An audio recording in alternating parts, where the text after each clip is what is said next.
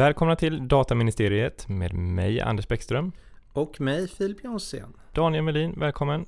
Tack så mycket.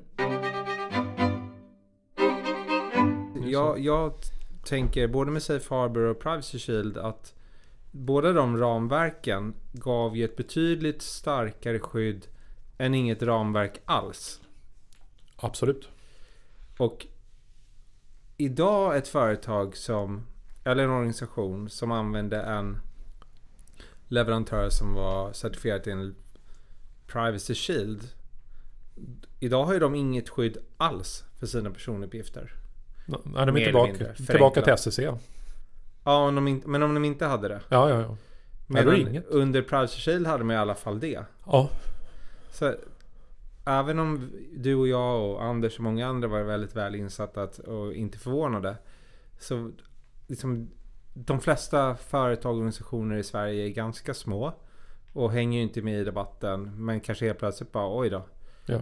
Ehm, och är det rätt väg? Det här är jag ingen åsikt heller om det här liksom om det är rätt eller fel. Men man skapade ju sämre skydd för en enormt stor mängd personuppgifter nu. ja.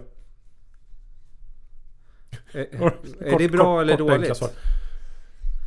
Alltså jag tycker jag kan ju tycka att det om, om, om hela syftet med dataskyddslagstiftning är att Mm. skydda individerna och det som Max Schrems gjorde nu och domstolen gjorde nu var att försämra det kraftigt för miljontals individer. Mm. Ja, tillbaka till, det var Facebook som ville dra med Privacy Shield i målet. Eh, det har ju inte varit liksom Max syfte. Nej. Eh, Fast. Safe Harbor var ju ändå... Safe Harbor var det därför att han hade fått informationen att Facebook använde Safe Harbor, vilket de inte gjorde. Eh, Han, han undanhölls ju den informationen, så de var ju glada att ja, men processa du om Safe Harbor, det spelar ju inte oss någon roll. För vi kör ju SEC. Så att det var ju när den hade fallit som de sa, men vi kör ju vidare med SEC och då var han, va? Kör ni SEC? Ja. Det var ju då han började med Schrems 2-processen, för han var ju lurad i princip, som jag har förstått. Eh, men det är bättre eller sämre? Det blir nog... Man, jag, man, jag skulle nog anlägga två perspektiv på det. Eh, med Safe Harbor, då sa ju EU-domstolen och Dataskyddsmyndigheten att nu blir det liksom en, en period då vi inte gör någon tillsyn och man sa ju det här, det här förstår vi är en stor grej. Och, och, men EU-kommissionen har ju gjort fel här. De har ju liksom fattat ett beslut som, som, in, som de inte kunde fatta. För det, det är ett felaktigt beslut. Men det förstår vi att hur, hur skulle någon förstå det? Och, och den kom ju verkligen. Det fanns inga, inga andra rättsfall riktigt att luta sig på. Utan den var ju först. Eh, så vitt jag vet. Så, eller åtminstone så var det ju på, det, på den nivån att alla varit väldigt, väldigt förvånade. Eh, och att då ta det här att ja, men vi tar det lugnt och, och försök förhandla fram en bra politisk lösning. Alla dataskyddsmyndigheterna, vi gör ingen tillsyn under tiden för vi förstår att det här var jättesvårt för alla att, att ta hänsyn till. Ehm, och då tycker jag, då har alla agerat på, på något sätt på ett rimligt sätt i förhållande till någonting som har då blivit väldigt svårt och oförutsett. Men i Schrems 2 så är ju ingenting oförutsett. Och det är fortfarande så att EU-kommissionen fattar Privacy Shield-beslutet som i stora delar är ju, det är ju Safe Harbor som man adderade på lite saker.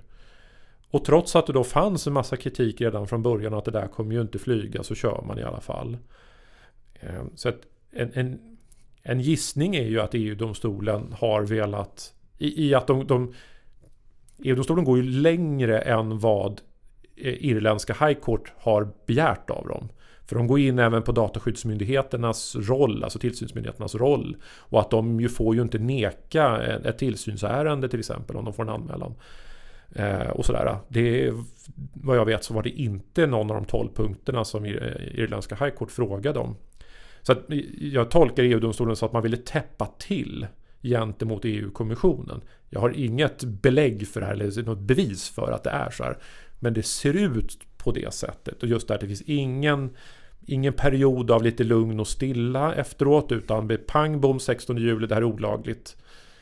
Eh, och dataskyddsmyndigheten hade ingenting att säga till om i det där utan de avlövades ju rätt hårt av, av EU-domstolen och sa att ni måste ju faktiskt göra det här och det här och det här som ni inte har gjort. Eh, så att, eh, jag tycker EU-domstolen ägnar sig en hel del åt näsknäppning av, eh, av olika institutioner här. Och markerar tydligt vad som, vad som gäller. Min, min syn på det. I alla fall te, det i alla fall ter sig så. Och, det är ett väldigt långt svar på din, på din korta fråga där. Alltså vad, är det här bättre eller sämre? Jag, jag tror att det finns, om, om, om min teori har någon sorts bäring så kan jag köpa att EU-domstolen gjorde som de gjorde. För att det verkar ju inte som vare sig tillsynsmyndigheterna eller EU-kommissionen fattade vinkeln 2015. Så att så, här, så för lätt raljerande. Men, men om, om, det, om, man hade den synen, vilket jag inte vet om man hade, eh, då tror jag att det här på sätt och vis är bättre i sådana fall. För att om vi nu har EU-stadgan som ju primärt målet rör, det är ju inte primärt ett GDPR-mål. Och vi har GDPR också. Det är den lagstiftning vi har och EU-domstolen kan ju bara tolka den lagstiftning politikerna har satt till. Då är det väl ändå det som måste gälla. Sen gör det ont. Och på kort sikt så får det massa dramatiska konsekvenser. Absolut. Och på kort sikt så eh, håller jag med dig. Det är ju, försämrar ju skyddet på, på många sätt. Eh, för det är ingen som hinner säga upp alla tjänster 16 juli, pang bom. Det händer ju inte. Det tar ju tid att bara identifiera vilka tjänster är det som bara hade Privacy Shield. Eller hade de flera möjligheter eller inte. Och, alltså de stora leverantörerna var ju på tårna för de fattade ju, var, var ju beredda på det. Men de små, som ju primärt var de som använde Privacy Shield enbart. Jag tänker också i och med att om man nu är inte du och jag eller Anders eller någon annan och man tänker att kommissionen har fattat ett beslut. Kommissionen gör ju liknande saker på en mängd olika områden. Och jag tänker så här, ja, men man måste ändå kunna lita på att de fattar beslut som man kan eh, leva efter på alla olika områden. Och om man börjar se att beslut blir ogiltigförklarade från en dag till en annan inte bara på det här området. Det, skapar en enorm osäkerhet på marknaden. Och just nu som du säger att vi, vi såg Berlin, dataskyddsmyndighet gick ut och sa jättesnabbt Nej, nu ska all överföring upphöra, punkt. Och sen var det en fallande skala till mycket mjukare. Vilket också på vårt område skapar en väldigt osäkerhet igen. Att dataskyddsmyndigheterna gick ut och sa olika saker. Äh, eller i alla fall nyanser av samma sak. Men för mig är det så här, men jag måste ju ändå lita på att kommissionen har fattat rätt beslut och, och har de fattat fel beslut på ett område då är det väldigt elakt att bara, ja men det du gör nu du litade på EU-kommissionen som ju ändå är då vårt högsta organ inom EU har fattat fel beslut. Och då menar jag inte bara vårt område utan generellt. Det skulle kunna vara skatt eller vad det nu finns. Jag vet inte vad de, vad de jobbar med. Eller jordbruksgrejer. Mm. Och så har man ställt om hela sitt jordbruk efter någonting som kommissionerna har sagt. Och sen kommer EU-domstolen bara Nej så där får du inte göra. Alltså det kanske inte ens kan man ju förlora ett helt år. Ja. Jag vet inte, det fanns ingen fråga. Det var bara... Nej, men, men, det, nej, men jag håller med dig. Och det, du har en poäng. Och jag har pratat om det här innan att i, i något sammanhang. Alltså att eh, både leverantörerna och kunderna. Eh, om vi nu pratar lite, här, lite generella och liksom som domstolen tar, tar sikte på. En amerikansk leverantör och en europeisk kund. Eh, då har de tittat på på vad fin, hur ser lagen ut? Vilka beslut finns? Hur, hur går det här till? Ja, så läser man på det och så sa man ja men så här går ju bra. Jajamän säger alla. Det här funkar med amerikansk lagstiftning, funkar med europeisk lagstiftning. För det finns beslut och det finns regler och det finns lagar. Och så kör alla på det. Och så kommer EU-domstolen och säger att nej men det här var ju knas. Så här kan det ju inte gå till. Och det är klart att på ett sätt i någon mån det kan hända och det är bra att det finns en kontrollinstans. Det är givetvis alltid sunt att inte en politisk nivå bara kan fatta beslut som sen överhuvudtaget inte kan granskas av någon eller förändras. Ehm, men, men den här eh, att det skapar osäkerhet. Det var den jag hade, den tråden jag hade. Med att vi kunder, kunder och leverantörer har utgått ifrån ett rättsligt läge och utgått från korrekt fattade beslut som man utgår ifrån. Och så gör man business på det sättet. Och sen så kommer domstolen och säger att det här var fel. Så här, så här kunde det inte vara. Eh, en sak är ju då 2015 med Schrems 1 att det var så. Eh, men när det nu händer en gång till på exakt samma rättsområde eh, och just att Privacy Shield kom fram på det sätt det gjorde. Det, det ju, var ju faktiskt inte någon särskilt vacker process om man tittar på det. Eh, det där har jag resonerat om innan. Att på grund av stressen, fokuset på att hitta en lösning som gick, gick fort och som löste vissa bekymmer så visste man ju med sig också att det här är en stor risk i framtiden. Och i och med att USA och EU-kommissionen tyckte att den risken var värd att ta. För de fattade ju ändå beslutet och, och skrev på Privacy Shield bägge två. Och så säger man det till, här, till alla köpare och alla säljare på de här marknaderna. Använd det här, det här går bra, det har vi kommit fram till och då är det lugnt. Men i och med att man fanns så mycket signaler om att det här var egentligen inte lugnt och att nu när EU-domstolen säger att nej, det här var ju fel. Så på, tycker jag, för ett politiskt plan så har man ju i någon mån sådär lurat både leverantörerna och kunderna. Invaggat dem i en position som egentligen var ohållbar. Eh, så det, det, finns ju någon form så här att, att, igen, att skylla på EU-domstolen tycker jag inte så, på så sätt inte så himla givande egentligen. Jag tycker mer att skulden ligger på en, ett politiskt plan. Jag tror ingen skyller på EU-domstolen. Ja, det har jag sett mycket av. Aha, okay. I, oh, och framförallt om du tittar på... Det var en lång... Eller lång var det inte, men det var en krönika eller artikel av NSAs förre chefsjurist. Och sen mm. har han varit någon hög chef på Department of Homeland Security också. Han var så arg på EU-domstolen. De var imperialister och jag vet inte allt och, och teknokrater och de var galna helt sådär. Och det enda sättet som USA skulle reagera på det här det var med handelsembargon och förbjuda allt möjligt. Och eh, det var sån anti-EU-retorik. Alltså det är helt fascinerande läsning. Han var, han var så hatfylld till EU-domstolen. De hade fel helt enkelt. Mm. Eh, det, där, de, de, det där har poppat upp på ett gäng ställen. Så att okay, det för de tolkar ändå bara lagen. Ja precis, de är ju jurister. Ja. De är domare. Det är väl det är bara det de ska göra. Vad står det? Mm. Och vilka tänkte, tidigare domar har vi fattat? Det, jag tänkte också på en sak. Det var ju faktiskt inte bara så att de som förlitar sig, som du så väl, vältaligt sa, båda aktörerna. Utan de förlitade sig till och med på att en revision av Privacy Shield som skedde vid två tillfällen och fick godkänt. Ja. Så det var inte bara det första beslutet. Sen, va, om man då var lite tveksam så kunde man, ja men vi avvaktar första, det är väl, eller är det tre de gjorde? Nej det är två va? Det gjordes tre revisioner. Ja, tre revisioner. Så kan man ändå säga så här, oj det har klarat sig tre gånger. Ja, ja. Tredje revisionen var den enda som var hyfsat okej. Okay. För på första och andra fanns det ingen ombudsman till, tillsatt till exempel. Och det var EU-kommissionen jäkligt kritisk till. För USA var inte snabba. Så nu har vi Privacy Shield. Men att implementera på den amerikanska sidan det man hade Nej, åtagit sig. Det tog ju väldigt lång tid. Så kommissionen var ju väldigt arg där länge. Eh, men sen till slut tillsatte de en ombudsman. Eh, så det, det kom ju till slut. Men då, fick, då, då skramlades det rätt hårt tror jag. Men en helt, en helt annan sida som jag tycker förs fram för lite. Nu, fick, nu kommer det här på ingen fråga då. Nej, men det, det, tillbaka till det här politiska, för det hänger ihop ändå med, med det politiska. Vad, vad som har gjorts och vad som inte har gjorts. Jag, jag finner det så ganska fascinerande att 2018 så i maj så trädde ju GDPR i kraft. Det visste alla om två år i förväg va? Mm. Har jag för mig?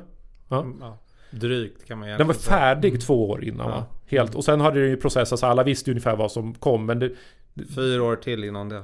Ja, men, men det var väl två år där, där den låg helt fastslagen och man bara sa så att ni är beredda om två år träder den här i kraft.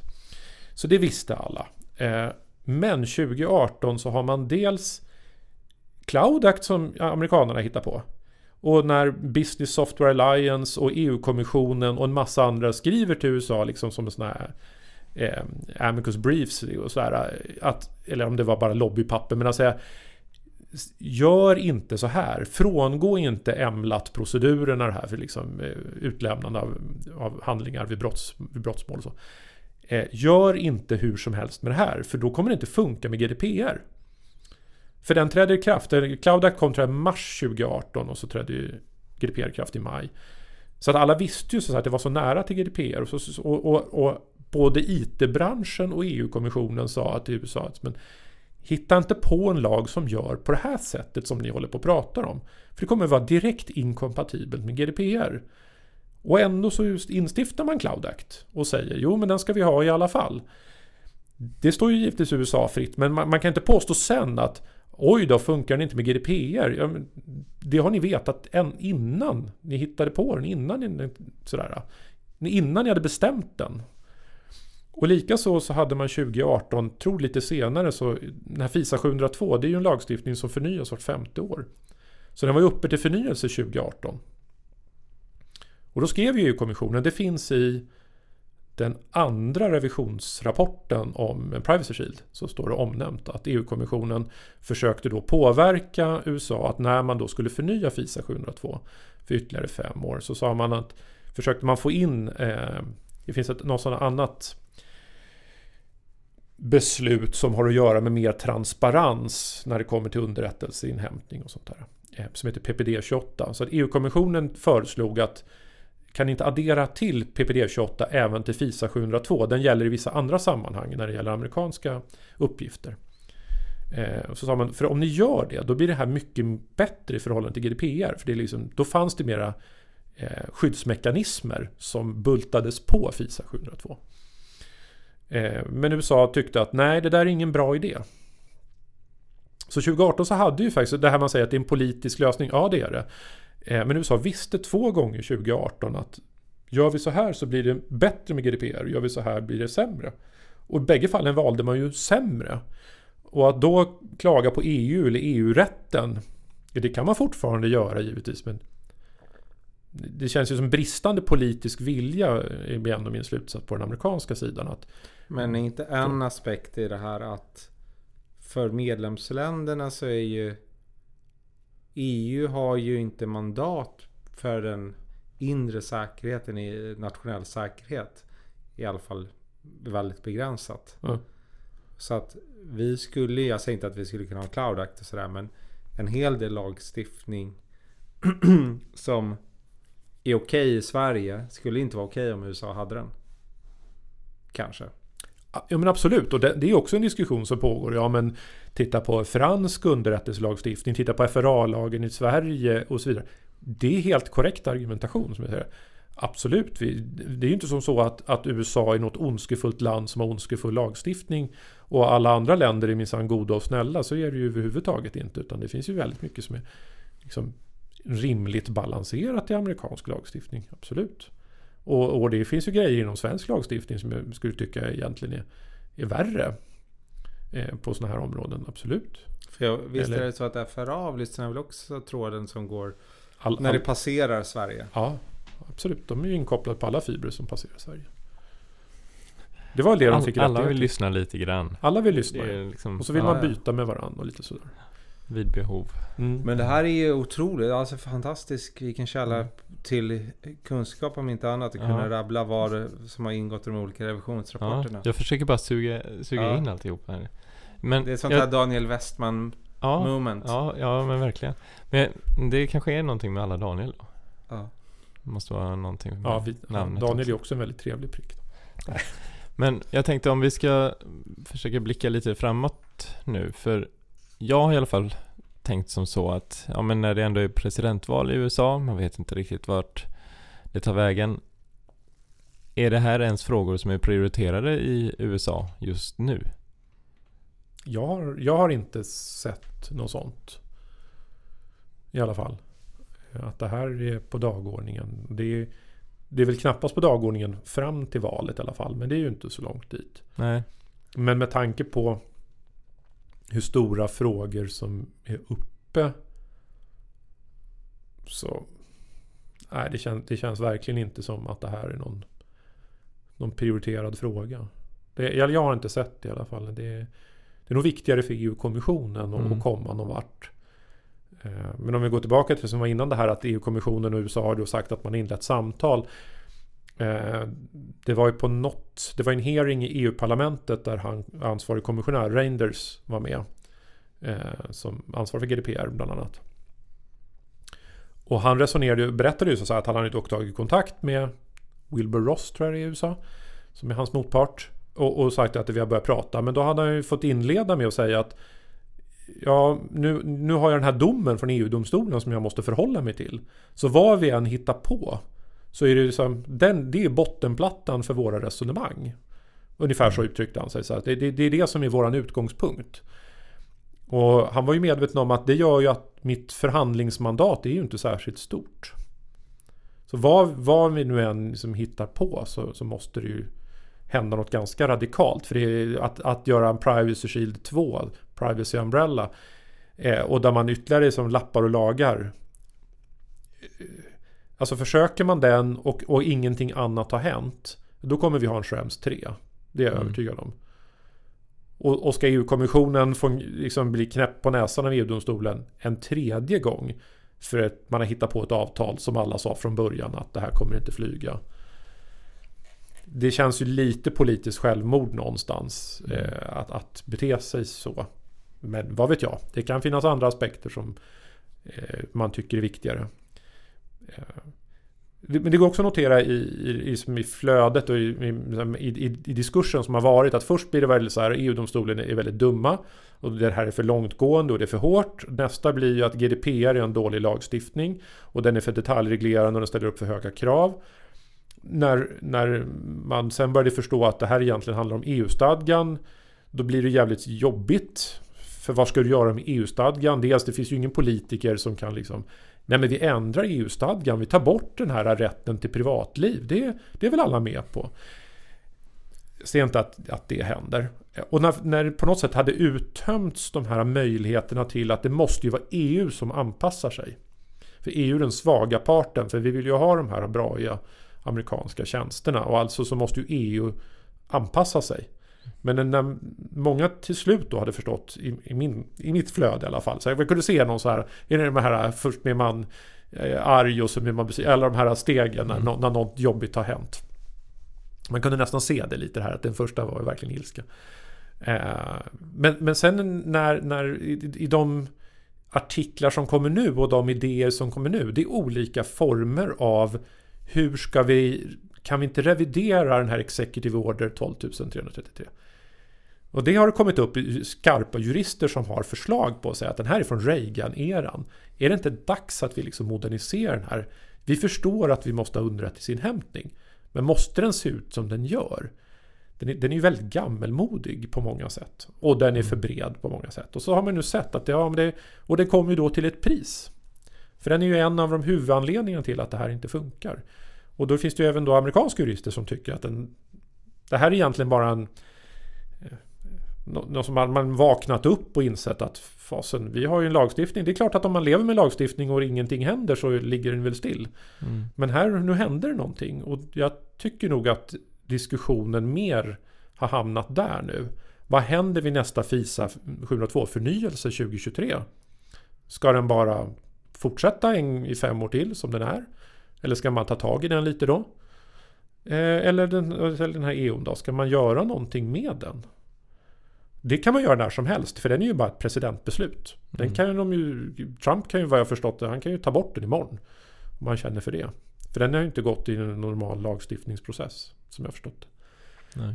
Eh, Så det, så det går ju med ganska snabba medel ändå att säga och, och göra alltså minska åtminstone problemen. Man kanske inte kan ta bort dem helt men, men det är igen, EU-domstolen har ju gjort en prövning av och ställt de här olika regelverken mot varandra. Så har du åtminstone den andra sidan ändrat regelverken på ett sådant sätt att de är mycket mindre ingripande så kanske det skulle klara sig.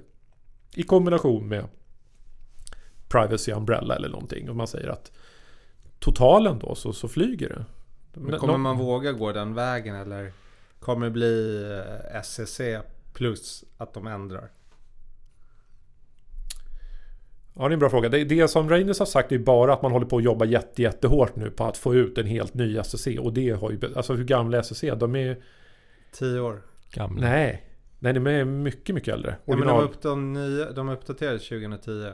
Ja, men original första utgåvan Ja, är. Den är supergammal. Ja. Den är så här gammal som pul eller något. Ja.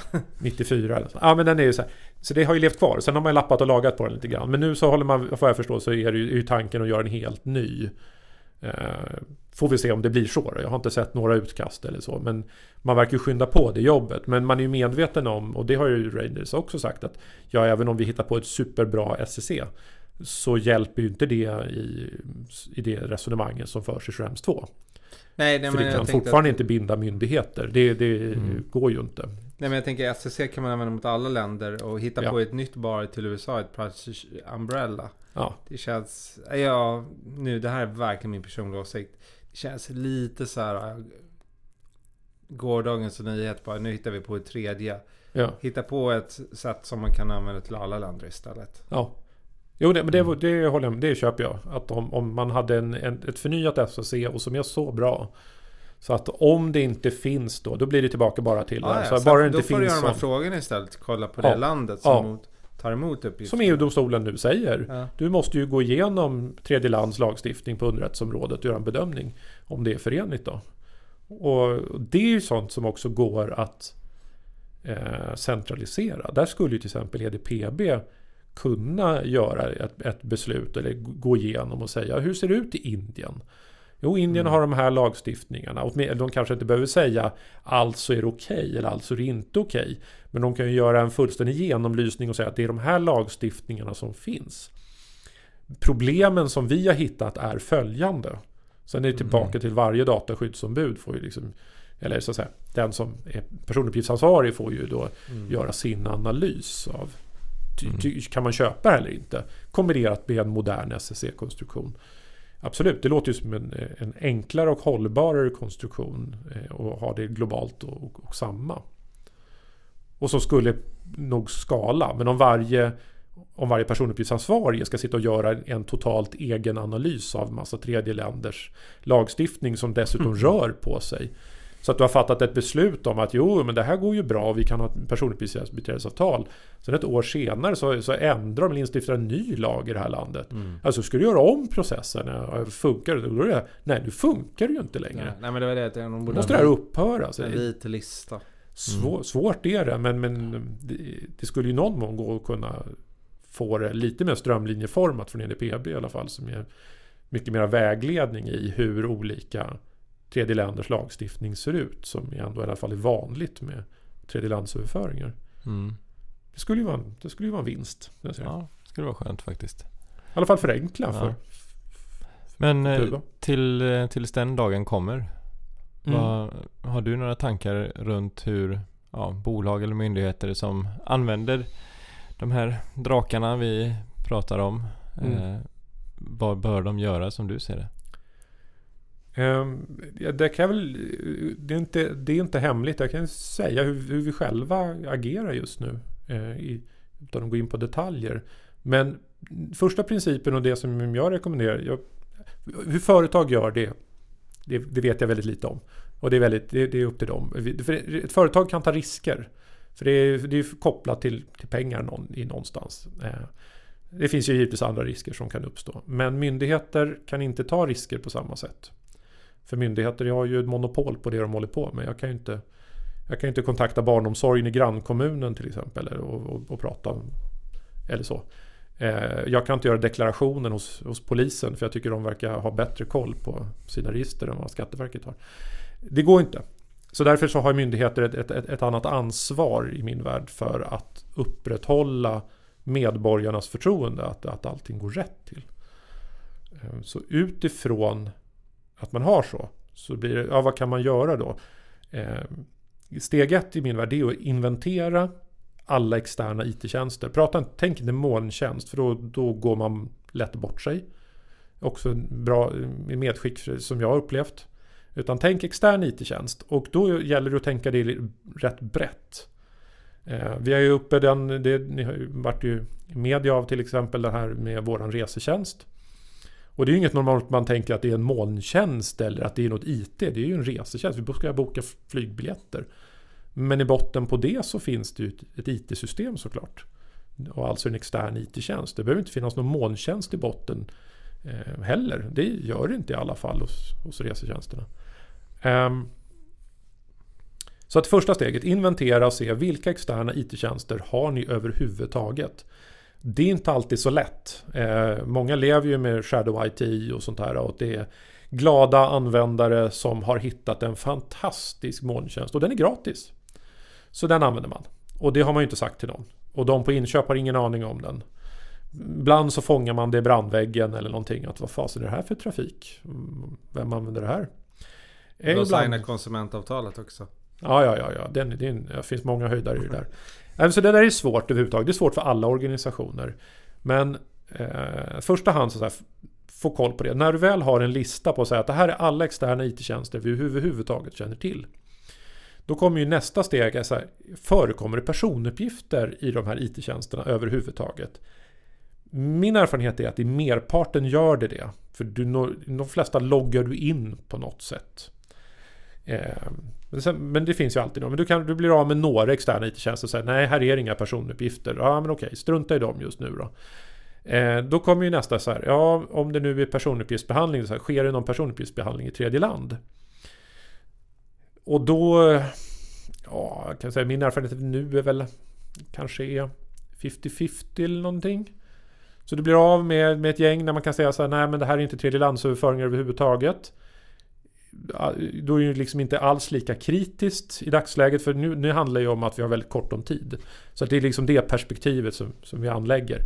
Nästa steg blir då så här, om det nu är tredjelandsöverföringar, är det till USA? Eh, och om det är till USA, vilket är ju de flesta av de fallen, eh, då blir ju frågan, ja förlitar sig den här överföringen på Privacy Shield enbart? Och hittar man en sån, då är det ju, måste man ju göra någonting, måste man ju agera. Som kund eller som PUA. Eftersom det är olagligt. Eh, och har varit det ett tag. Så det, igen, det har ju Datainspektionen i Sverige till och med sagt någonting åt det hållet att om man har en, en Privacy Shield-överföring och inte ens har påbörjat en process att få, en, få bort den, gå över till SCC eller, eller stänga av den eller någonting. Eh, då kan de ju knappast se mellan fingrarna på något sätt vid tillsynsärende. Och det verkar väl liksom rimligt. Eh, alla förstår att det, det, inte, det går inte så fort. Men eh, så det blir som nästa steg. Och hittar du då så här, ah, de här överföringarna är endast Privacy Shield baserade. Ta tag i dem. Och, och se vad kan du göra. I vissa fall så kanske du får säga upp tjänsten. I andra fall så kan man ju prata med leverantören och säga måste ni, måste ni ha er IT-leverans i USA så att det blir Privacy Shield? Eller skulle ni kunna ha er IT-leverans i något datacenter i EU istället? Eller kan ni ha, sköta det här själv istället för att lägga en molntjänst eller hur det här nu ser ut. Eh, och det, i vissa fall så går ju det. I andra fall så är det ju en, är det så ihopbyggt med avancerade tjänster kanske hos molntjänstleverantören. Eh, så de säger att nej, det där det går inte. Det, eller det är en jätteprocess för oss att bryta alla beroenden till, till molntjänstleverantören när man har byggt i deras PAS till exempel. Eh, eller något liknande. Och då blir det ju igen svårt. Och då kanske det enda som blir, blir att ja, men då får vi säga upp tjänsten om det inte är så att den går att, att använda rättsligt. Eh, I vissa fall så kanske säger nej men vi går över till SSC istället. Och det är ju inte så lätt för många som du var inne på tidigare Filip. Att, eh, många små bolag så är det inte helt trivialt att hålla på med SFC istället. Eh, men det är ju ändå en, en framkomlig väg kanske i vissa fall. Men då kommer du tillbaka till alla grejer du måste vidta då om du ska basera den på SCC istället. Men i dagsläget så att säga hellre en SCC-överföring än en Privacy Shield-överföring. Eh, för i ena fallet så vet vi att den är olaglig, i den andra så är det ju ett resonemang kring om den är laglig eller inte åtminstone. Det är åtminstone en bättre situation. Det, jag har svårt att se att i de flesta fall att man kommer kunna komma fram till att den, att den är en laglig överföring. Men det är en, det är en annan sak. Så att igen, för, i, i, aspekten tid. Så i första hand så, så, här, så, så, snabbt som möjligt hitta Privacy Shield-överföringarna och se till att, att de slutar. Att de upphör på, på ett eller annat sätt. Ehm, den andra sidan som jag tycker man kan se är vad, vad är det som syns? Och vad är det som kan sticka i ögonen? Om man tittar på Noib, alltså eh, Schrems organisation, de har ju anmält 101 organisationer i hela EU, några i varje medlemsland. Jag tror det var fem i Sverige. Eh, och alla på precis samma grej, att de använder Google Analytics eller Facebook Connect på sina externa webbsidor. Hur lätt som helst att se för vem som helst att de, man har det. Och de är i alla fall vad jag har sett, jag är inte jätteinsatt i de här tjänsterna men jag har förstått att det inte är jättelätt att, att använda dem eh, utifrån eh, framförallt inte efter Schrems 2. Så, och min, min slutsats, eller anledningen till att jag tror det är så här, varför skulle de annars gå på just den tjänsten? Eller de två tjänsterna. Ja, måste de ju ha valt utifrån att det är en extremt lågt hängande frukt. Det är ju, så tänker jag. Att här, det kan, dataskydds och tillsynsmyndigheterna kan inte göra annat än att utdöma eh, sanktionsavgifter i, i de fallen. Det är min, mm. min teori i alla fall. Så att säga. Var, varför skulle de annars göra på det sätt de har gjort? Och EDPB har ju tagit just de här, alla, alla de här 101 anmälningarna och så centraliserar man ju det så att alla, alla medlemsländers tillsynsmyndigheter kommer ju komma med beslut samtidigt vad jag förstår till, till alla de som är anmälda. Får se hur fort det går men det blir i alla fall en enhetlig hantering av det eftersom det är samma typ av anmälan. Om två år kanske? Får se, ja EDPB kan vara lite snabbare.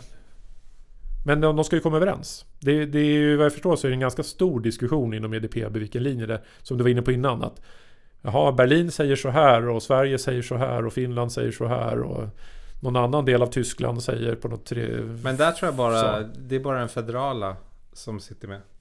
Är det verkligen delstats Dataskyddsmyndigheterna? Ja, det kanske... Jag har ingen aning. Eh, oklart, men jag, jag, har förstått så mycket att det är, det är inte...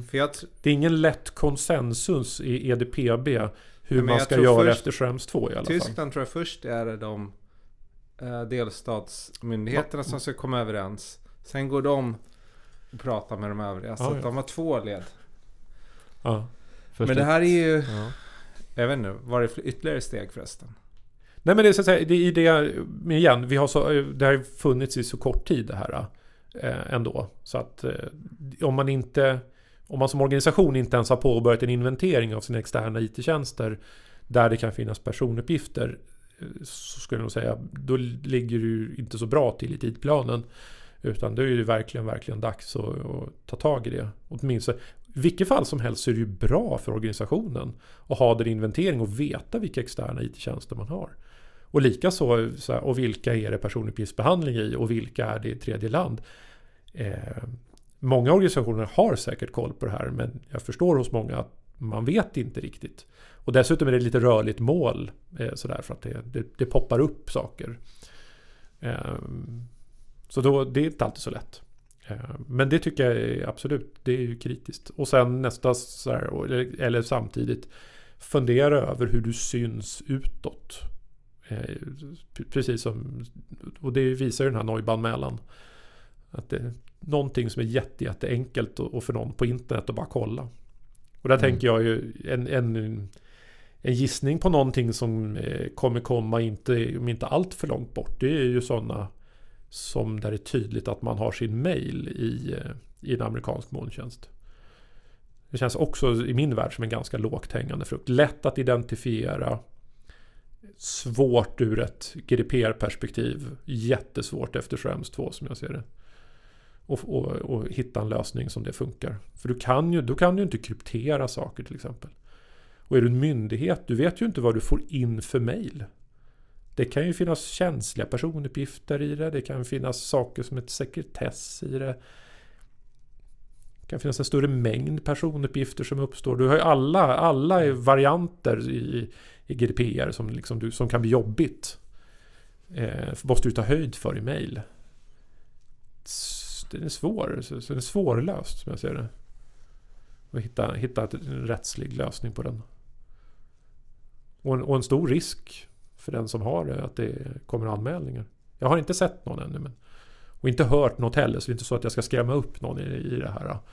Uh, men, men det känns också som en lågt hängande frukt. Vad menar så? Vi får tillägga också att om man mejlar privat då faller det väl utanför GDPR? Ja, då om du har inlett konversationen. Nej, jag menar bara om du, dina, ditt rent privata Gmail-konto som du som inte har någonting med ditt jobb att göra överhuvudtaget. Det är väl undantaget från GDPR, inte privat, den privata sfären. Vad heter det där?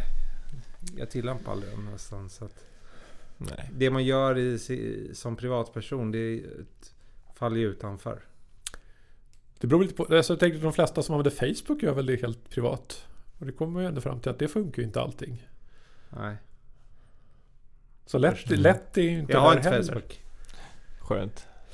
Men eh, alltså det här, jag känner mig matt. Och deprimerad. Nej, jag, nej.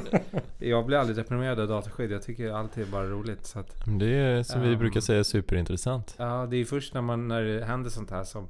När det bara rullar på, det är, det är inte så kul. Nej. Det är roligare när det händer något så här spännande. Ja. Men jag tycker faktiskt själv att det mest spännande var egentligen när generaladvokaten sa sitt. För det var ju då som man Ja. eh, förstod vart vart han det barkade som sagt. Eh, Jag tyckte det var roligt. Eller roligt. Han skrev ju typ dubbelt så långt som domstolen. Ja. Mm. Och ändå så tyckte han att Privacy Shield skulle de strunta i. Men han lämnade ju, ägnade ju halva sitt utlåtande till Privacy Shield. Ja. Om man tar upp det, då går det ju inte. Men jag tycker inte vi ska ta upp det. Nej, lite mer politiskt. Eh, Ja, eller så handlade det om... Det kanske handlade om processföringar som det låg ett vilande mål. Om bara Privacy Shield. Så mm. att det kan ju vara så att, att det fanns en sån... Att man ville hålla isär det eller någonting. Men jag, vet, jag vet faktiskt inte. Men hur lång tid tror du vi kan förvänta oss att det kommer någonting för, så vi kan boka in dig till en uppföljning? Var det inte 23 du sa? 2023? I, i, i, vart fall så tror jag... Det är ju... All, vad ska jag säga? Något intressant, avgörande eller någonting? Ja. Jag, jag tror att det vi inte ska sitta och vänta på, eller där vi, om vi nu ska eh, sitta här och prata en gång till, vilket är väldigt trevligt. Eh, så ska vi nog inte ha det med någon sorts idé om att nu har vi löst det. Så att så som vi gjorde förra året, nu kan vi göra så igen. Och utan att ha vidtagit några åtgärder. Och politikerna har på något magiskt sätt eh, fixat det här. Alltså att eh, jag, jag, behöver, jag som PUA behöver inte lyfta ett finger.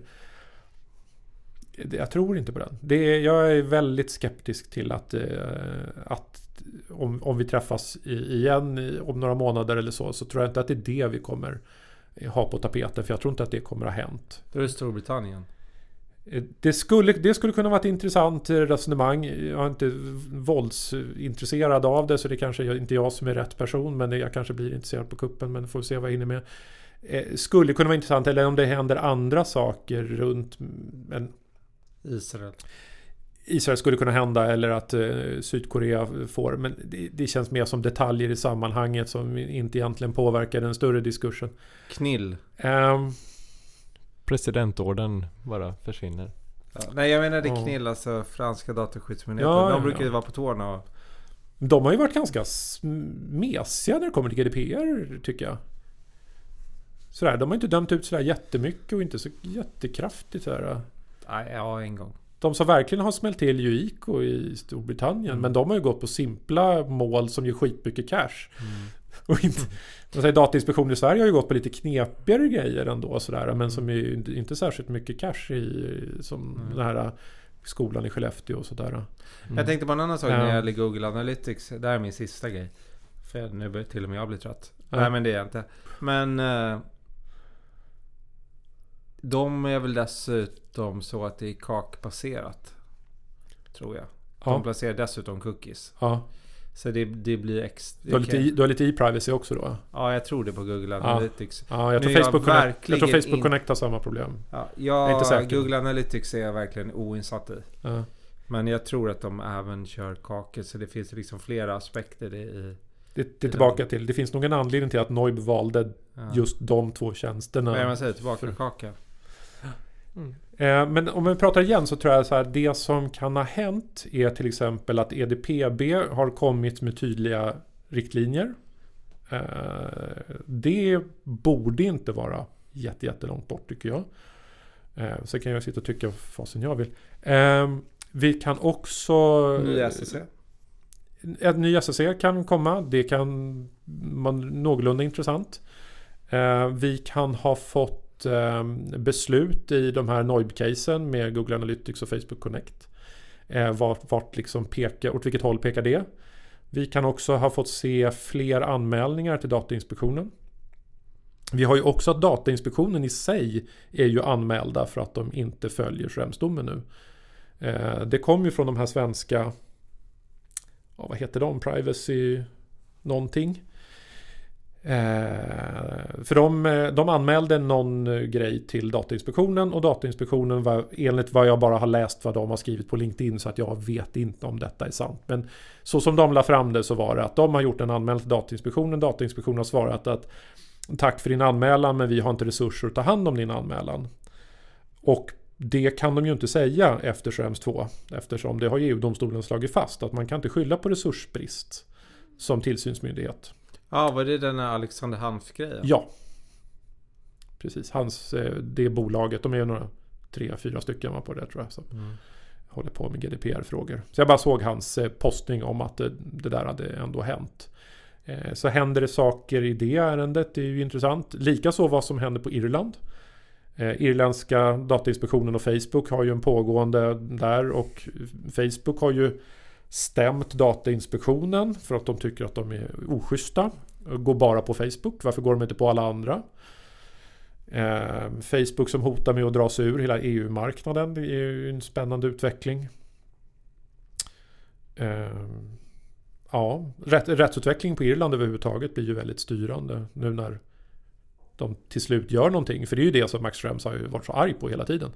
Att irländska DPC inte har typ gjort någonting enligt hans sätt att se det i alla fall. Men han har ju mm. rätt mycket dokumentation på att det inte har, det har inte skett sådär jättesnabbt i alla fall. Det kan man ju inte påstå ens med objektiva ögon. Men det låter ju som vi har en eh, väldigt spännande Några kul höst, grejer. sen höst och vinter att se fram emot. Det låter som att det är flera tillfällen till och med. Ja, det här är stående gäst. Lite kul grejer kan det komma att hända. Om man nu tycker att det är roligt i alla fall. Men, men jag, håller, jag, jag håller med dig, så här, er syn på att det när det rör på sig och det är ju ändå en intressant rättsutveckling på ett ett rättsområde. Jag kan också tycka så här, vi är lite ovana vid, för här blir det EU-rätt bara. Som vi får i Sverige. Och det, det fanns ju ett mål där Datainspektionen som tidigare, men det, jag tror att den avdömdes tidigare i år. Där det var en privatperson, jag tror att han ville ha eh, rätten att bli glömd tror jag. Hos Google. Och Datainspektionen tyckte att det inte var någon, någon större grej och sa att det här kommer inte vi ta tag i. Eh, då gick ju han till förvaltningsdomstolen och sa att Datainspektionen har minsann inte tagit upp mitt ärende och det tycker jag de ska göra. Och förvaltningsdomstolen vet inte faktiskt hur de dömde. Jag tror att de dömde till, till Datainspektionens fördel. Eh, då överklagade han den domen till kammarrätten som faktiskt tog upp det. Jag tror det var kammarrätten Stockholm.